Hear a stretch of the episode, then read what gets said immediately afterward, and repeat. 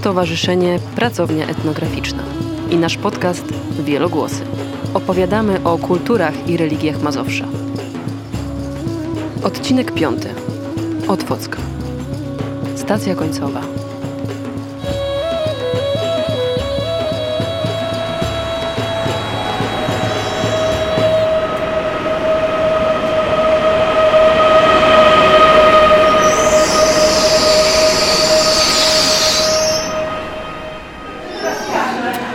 Pierwsze to na mnie zrobiło wrażenie perechodnik. To było takie dla mnie odkrycie. Ja to przeczytałem jeszcze jak byłem chyba pod koniec podstawówki albo w liceum. To tak gdzieś na tym na przełomie to było. Chyba na początku liceum. I to na mnie zrobiło duże wrażenie. W sensie, że odkryłem świat i historię, której wcześniej kompletnie nie znałem, a też się historią interesowałem. E, no była jeszcze zawsze jeszcze moja mama też w tym czasie odkryła samą historię. Myśmy te, ona odkrywała swoje miasto z dzieciństwa, nie miała pojęcia w ogóle, że takie istniało jeszcze 10 lat przed jej urodzeniem, no 15 czy 20, 15. Dla mnie to w ogóle było odkrycie, te ulice, to wszystko nabrało zupełnie innego kształtu i potem jakoś tak to we mnie tkwiło i to cały czas dziś było. Z Sebastianem Rakowskim, otwocczaninem, historykiem i społecznikiem spotykamy się w kawiarni Peron – na linii otwockiej wszystko kręci się wokół kolei. Gdyby nie ona, ta historia nie mogłaby się wydarzyć.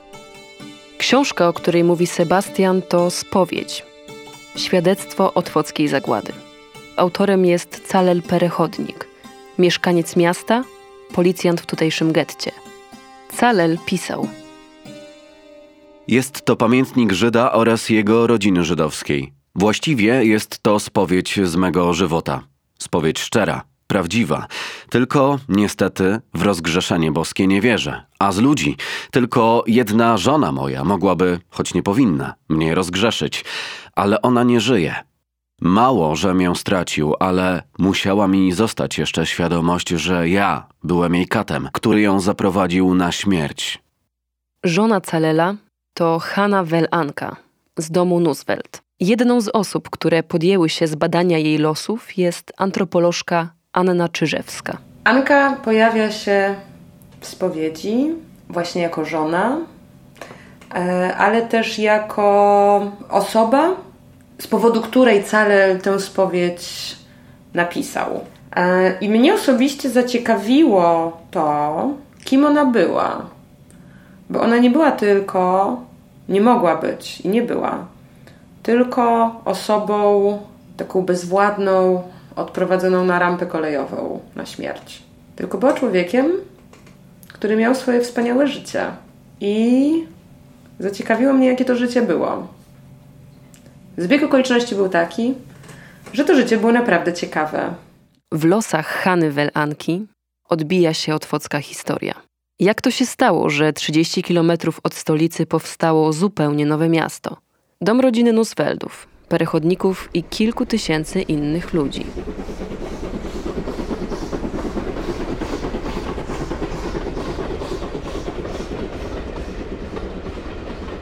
Koniec XIX wieku. Warszawa. Miasto rozrasta się w oczach. W ciągu 100 lat liczba ludności zwiększa się ponad dziesięciokrotnie. To efekt rewolucji przemysłowej, która dociera tu z lekkim opóźnieniem. Ta linia otwocka została budowana chyba w tym momencie, w którym po prostu były też takie, była potrzeba dla letnisk. Bo to na początku się jako letnisko mm, e, rozwijało.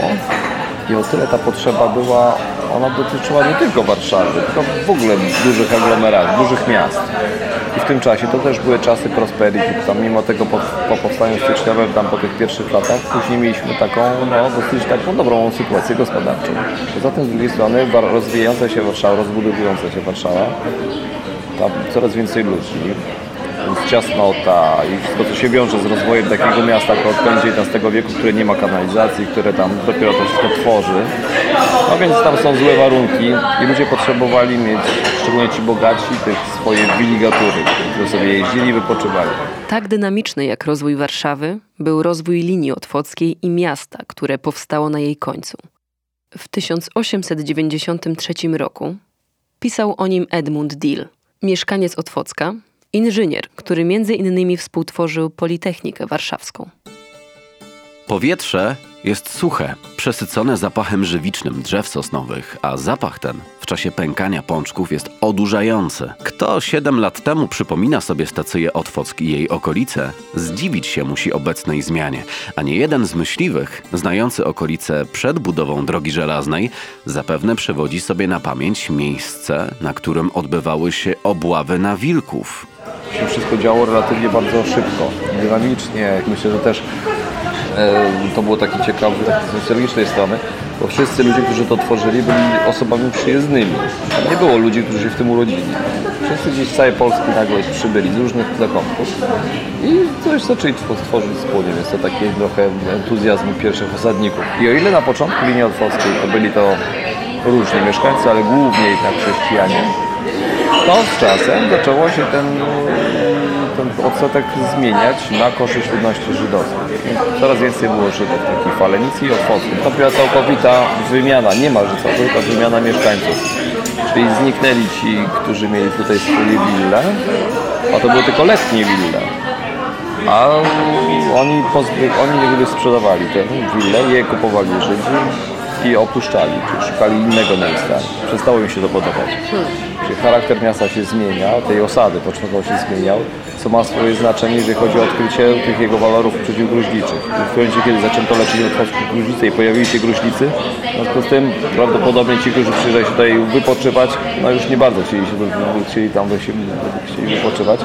Nastąpił taki odpływ.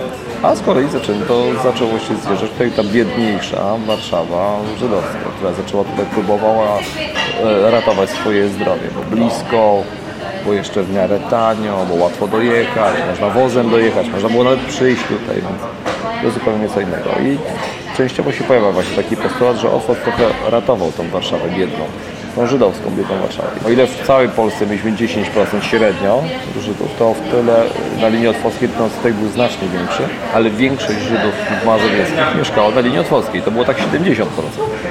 Tych wszystkich Żydów, którzy mieszkali na terenie powiatu warszawskiego przedwojennego mieszkało na linii otwockiej. To robi z 20 tysięcy do 15 tysięcy mieszkań. Wśród nich znalazła się nasza bohaterka. Anka Welchana. Skąd dwoje imion? Było to bardzo popularne wśród polskich Żydów. W oficjalnych dokumentach posługiwali się imionami żydowskimi, a na co dzień polskimi. Dotyczyło to przede wszystkim Żydów zasymilowanych, a do takich można zaliczyć rodzinę Nuzweldów. Anka urodziła się w Otwocku 21 października 1913 roku. Gdy miała zaledwie rok, po kolei zmarli jej ojciec Szaja i matka Haja – nie znamy przyczyn śmierci rodziców Anki. Wiemy natomiast, że opiekę nad nią przejęła babcia od strony matki, Liba Starkstein. Anka miała troje rodzeństwa: braci Wolfa i Motela oraz siostrę Reisel. Wspólnie zamieszkali w willi Rosalin. Ona była bardzo blisko ze swoim rodzeństwem. Siłą rzeczy. Oni zostali wcześniej osieroceni, wychowywana przez babkę, mimo że byli postępową społecznością żydowską, to jednak pewnie babcia była babcią, e, a ona była pod pewnie silnym wpływem starszego brata Wolfa, który kręcił różne mniej bądź bardziej um, szemrane interesy, bo to on był między innymi sprawcą różnych długów, nie tylko on. Był sprawcą rodzinnych długów, ale między innymi on. E, mieszkali wszyscy razem w domu na Sienkiewicza, e, więc jakby siłą rzeczy oni musieli być blisko. Anka poszła do pierwszej szkoły dla żydowskich dzieci w Otwocku, która mieściła się przy ulicy Karczewskiej. Dziś budynek już nie istnieje, ale zachował się jego opis sporządzony przez Mietka, jedynego z uczniów. Tekst opublikowano w 1935 roku w Małym Przeglądzie, piśmie prowadzonym przez dzieci i młodzież pod okiem Janusza Korczaka. Dwójka to nasz znak, to numer naszej szkoły.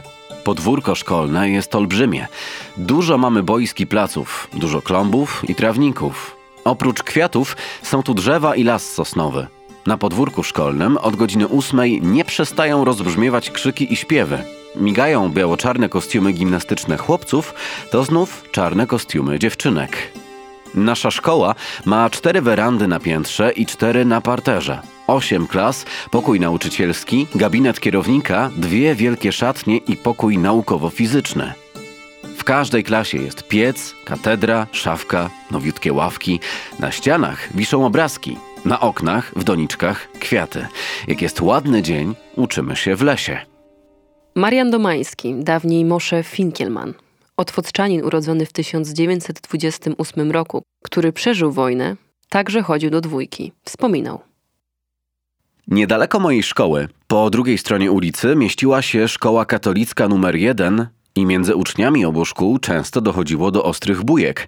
Z tego powodu dojście do szkoły powszechnej od ulicy Karczewskiej zostało zamknięte i uczniowie dochodzili ulicą Michała Andriolego.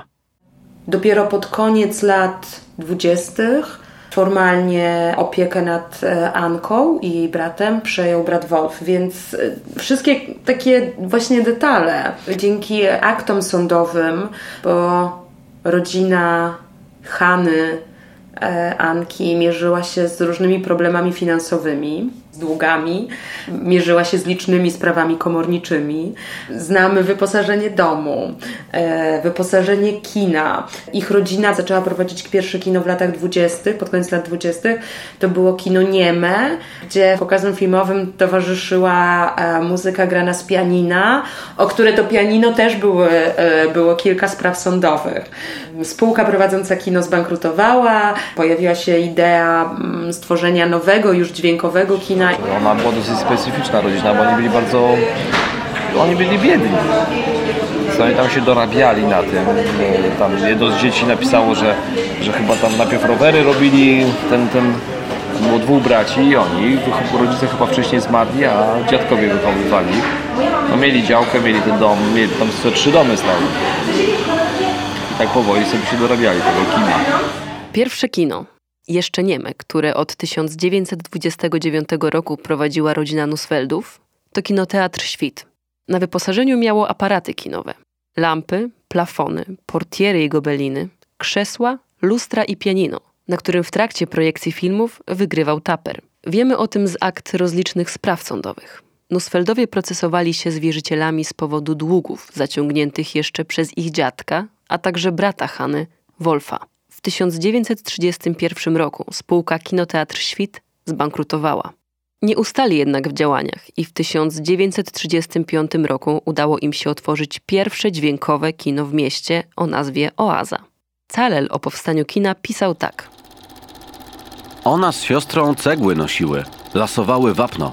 Boże, co oni się napracowali, zanim kino zaczęło prosperować.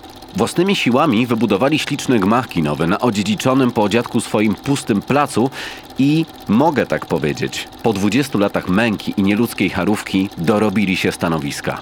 Chcieli przed wojną wybudować jeszcze jedno kino w Otwocku, ale burmistrz wolał, żeby kina nie było, byleby go Żyd nie miał. Przez kilka lat to było jedyne kino, które działało w Otwocku, w dużym mieście letniskowym, do którego przyjeżdżały na weekendy i wakacje dziesiątki mieszkańców Warszawy, zarówno żydowskiego, jak i e, polskiego pochodzenia. E, I którzy spędzali tam po prostu wolny czas, przyjemny czas, weekendy, a oni zapewniali im rozrywkę. A ona, Hanna Wel-Anna, sprzedawała bilety do tego kina. To właśnie w tym czasie, kiedy rodzeństwo Nusfeldów walczyło o powstanie kina, Calel zakochał się w Ance – no ona była od niego trochę starsza, e, ale jak mówił, jak pisał Calel, on się od razu w niej zakochał. E, I oni niemal od początku chcieli być razem. Calel musiał studiować we Francji, w Polsce na Uniwersytecie Warszawskim, gdzie mógł studiować, obowiązywał numerus clausus, czyli ograniczona liczba studentów pochodzenia żydowskiego. E, I on pojechał do Toulouse i ona miała do niego dołączyć. Jeszcze jako jego dziewczyna, narzeczona, partnerka. E, nie byli jeszcze wtedy w sformalizowanym związku, ale ona nie dostała wizy. I, e, i Calel przez mm, jakiś czas był w tej Tuluzie. E, przyjeżdżał tylko na wakacje, co widzimy w księgach meldunkowych, kiedy on się pojawia na jakiś czas i wyjeżdża, pojawia i wyjeżdża. W tym okresie Hanna pracowała w oazie jako kasjerka, a w czasie wolnym pod nieobecność Calela grała w piłkę w drużynie chłopców i jeździła na rowerze, ponoć najlepiej w całym mieście. Lubiła też odpoczywać wśród sosen, które, tak jak w całym Otwocku, rosły również wokół willi Przysienkiewicza. Nie pozwalała ich wycinać. Czasem z Francji wracał Calel. I oni wtedy czas spędzali razem, korzystając z życia kulturalnego i towarzyskiego w Otwocku. Chodzili do kasyna, e, o tym też pisze, e, pisze Perechodnik. Kasyno było jedną z otwockich atrakcji, tak jak ludzie spędzali ten czas. Tam to, znaczy życie kulturalne w ogóle jakby Otwocka lat 30. było szalenie bogate i kwitnące i Urkę Nachalnik, E, żydowski pisarz, wcześniej przestępca, który miał no, gościnne występy, spotkania autorskie liczne w tym Otwocku, a który zginął z bratem Wolfem w listopadzie 1939 roku, no był, jak bym powiedziała, otwocką gwiazdą w tamtym czasie. Mm. Więc oni mogli z tego wszystkiego korzystać. E, Perechodnik też pisał o tym, że oni jeździli do Zakopanego spędzać sobie miło czas. Myślę, że takie e, spędzanie wolnego czasu na linii Otwock, kurort, e, Zakopane kurort, no jakby wiąże się z takim e, jednak dolce vita, czerpaniem przyjemności z, e, z właśnie z tej codzienności, mimo że codzienności opresyjnej, to znaczy opresyjnej związanej z tym, że e, antysemityzm Polski lat 30. był niesamowicie silny. Znaczy numerus clausus na uniwersytecie, Calel Prechodnik wyjeżdża na studia do Toulouse. E, mają kino w Otwocku, chcieli budować drugie, ale burmistrz nie zgodził się, żeby Żyd posiadał dwa kina. Różnego rodzaju zamieszki antyżydowskie, które nawet miały miejsce w, w Otwocku, o czym Sebastian Jan Rakowski pisze w swoich, e, w swoich e, książkach i to pokazuje, dokumentuje.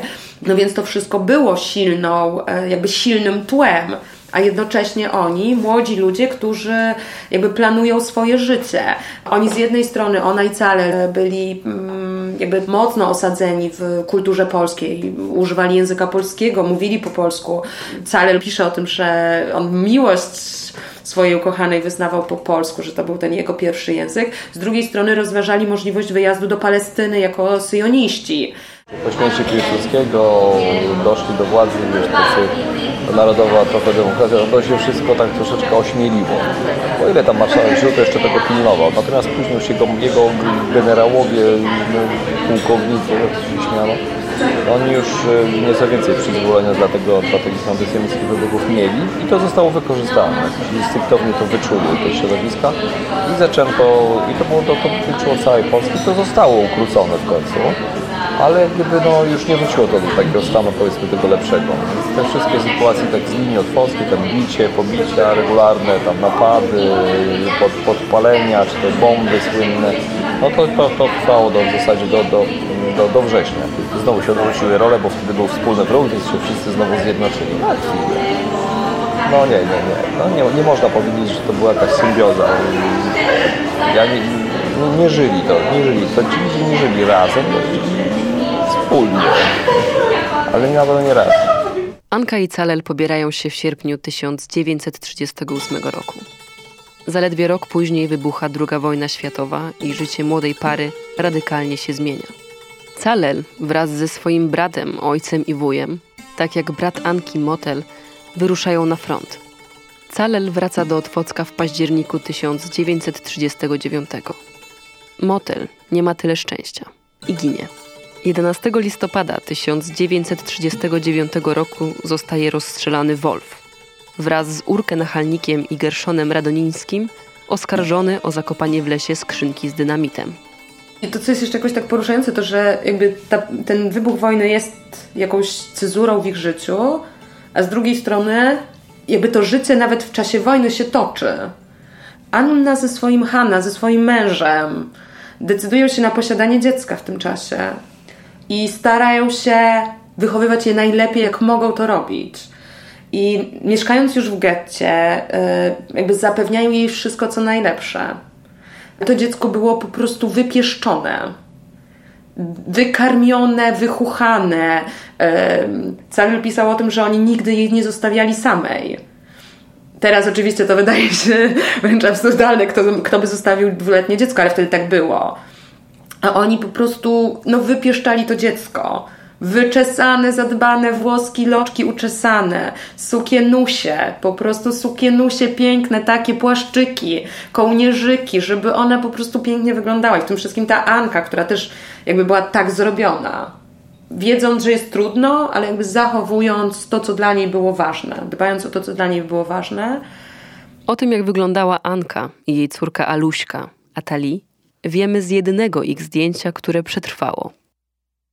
E, zdjęcie, na którym Anna ma kwiecistą sukienkę, siedzi wśród drzew, włosy ułożone w Victory Rolls, charakterystyczną fryzurę dla lat, e, pierwszej połowy lat 40.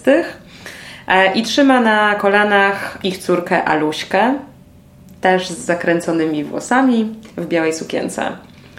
To zdjęcie było zrobione prawdopodobnie w wiosną, późną wiosną, latem 1942 roku, na kilka tygodni przed ich śmiercią. 19 sierpnia 1942 roku Anka wraz z córką Aluśką, odprowadzone przez Calela, trafiają na plac przy bocznicy kolejowej, gdzie Niemcy kazali zgromadzić się wszystkim mieszkańcom otwockiego getta. Wraz z nimi zostają załadowane do wagonów i odjeżdżają. Obie najprawdopodobniej giną. Treblince 20 sierpnia 1942 roku.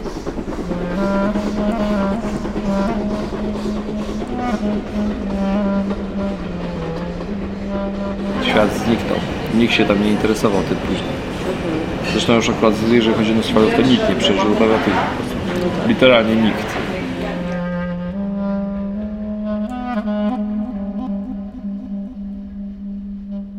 A kino zostaje zarekwirowane przez okupantów niemieckich, którzy wyświetlają w nim kroniki wojenne i filmy propagandowe.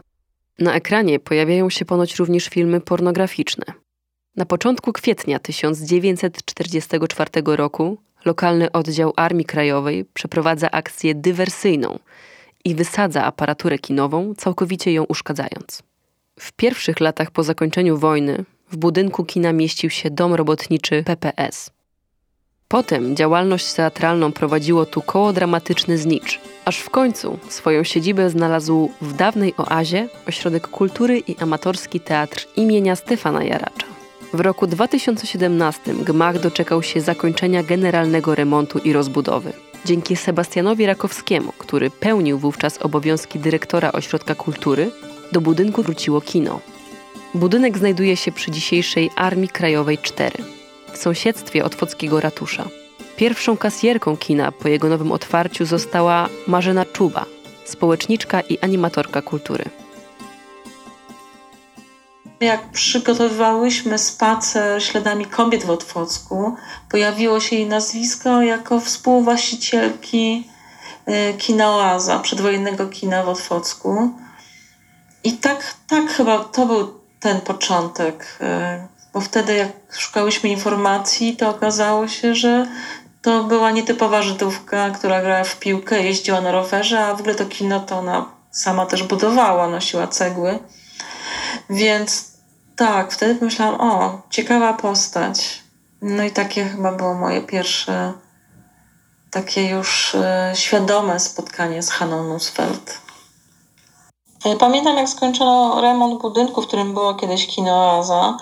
Tam było Dom Kultury i teatry amatorskie, a w pewnym momencie pojawiło się dzięki Sebastianowi Rakowskiemu kino Oaza myślałam sobie, jejku, jak ja bym chciała tu pracować. To było jakieś nieprawdopodobne moje marzenie, ale wydawało się też zupełnie nierealne, ponieważ moja ścieżka zawodowa była bardzo daleka e, od, e, od, od domów kultury.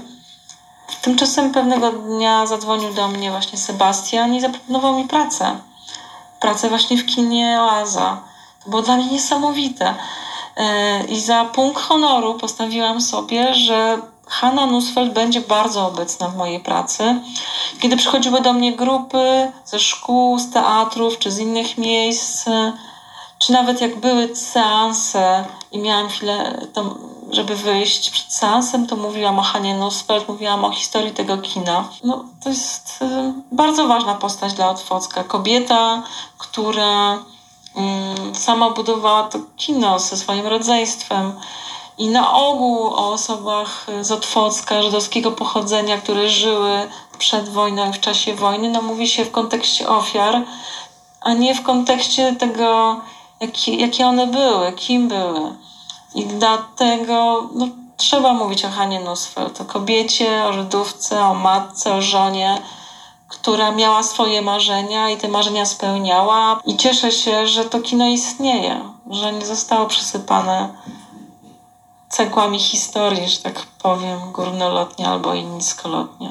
E, na początku mojej pracy miałam takie też no, nocne dyżury, potem już pracowałam jednak w porannych godzinach.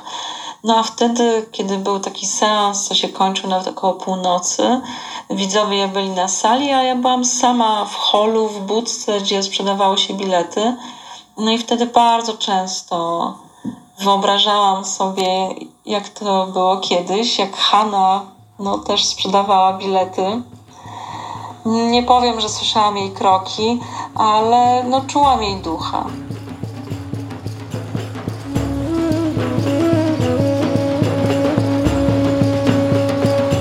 Jeśli chcesz dowiedzieć się więcej o wielokulturowym Mazowszu, zajrzyj na stronę mazowsze.etnograficzna.pl. Podcast zrealizowało Stowarzyszenie Pracownia Etnograficzna, partnerzy i patroni, Federacja Mazowia, Fundacja Picture Dog, Towarzystwo Krajoznawcze Krajobraz, Mikrowyprawy z Warszawy, Radio RDC. Zadanie publiczne pod nazwą Wielokulturowe Mazowsze, dofinansowane ze środków z budżetu województwa mazowieckiego. Dofinansowano ze środków Muzeum Historii Polski w Warszawie w ramach programu Patriotyzm Jutra. Utwór dostępny na licencji Creative Commons. Uznanie autorstwa na tych samych warunkach.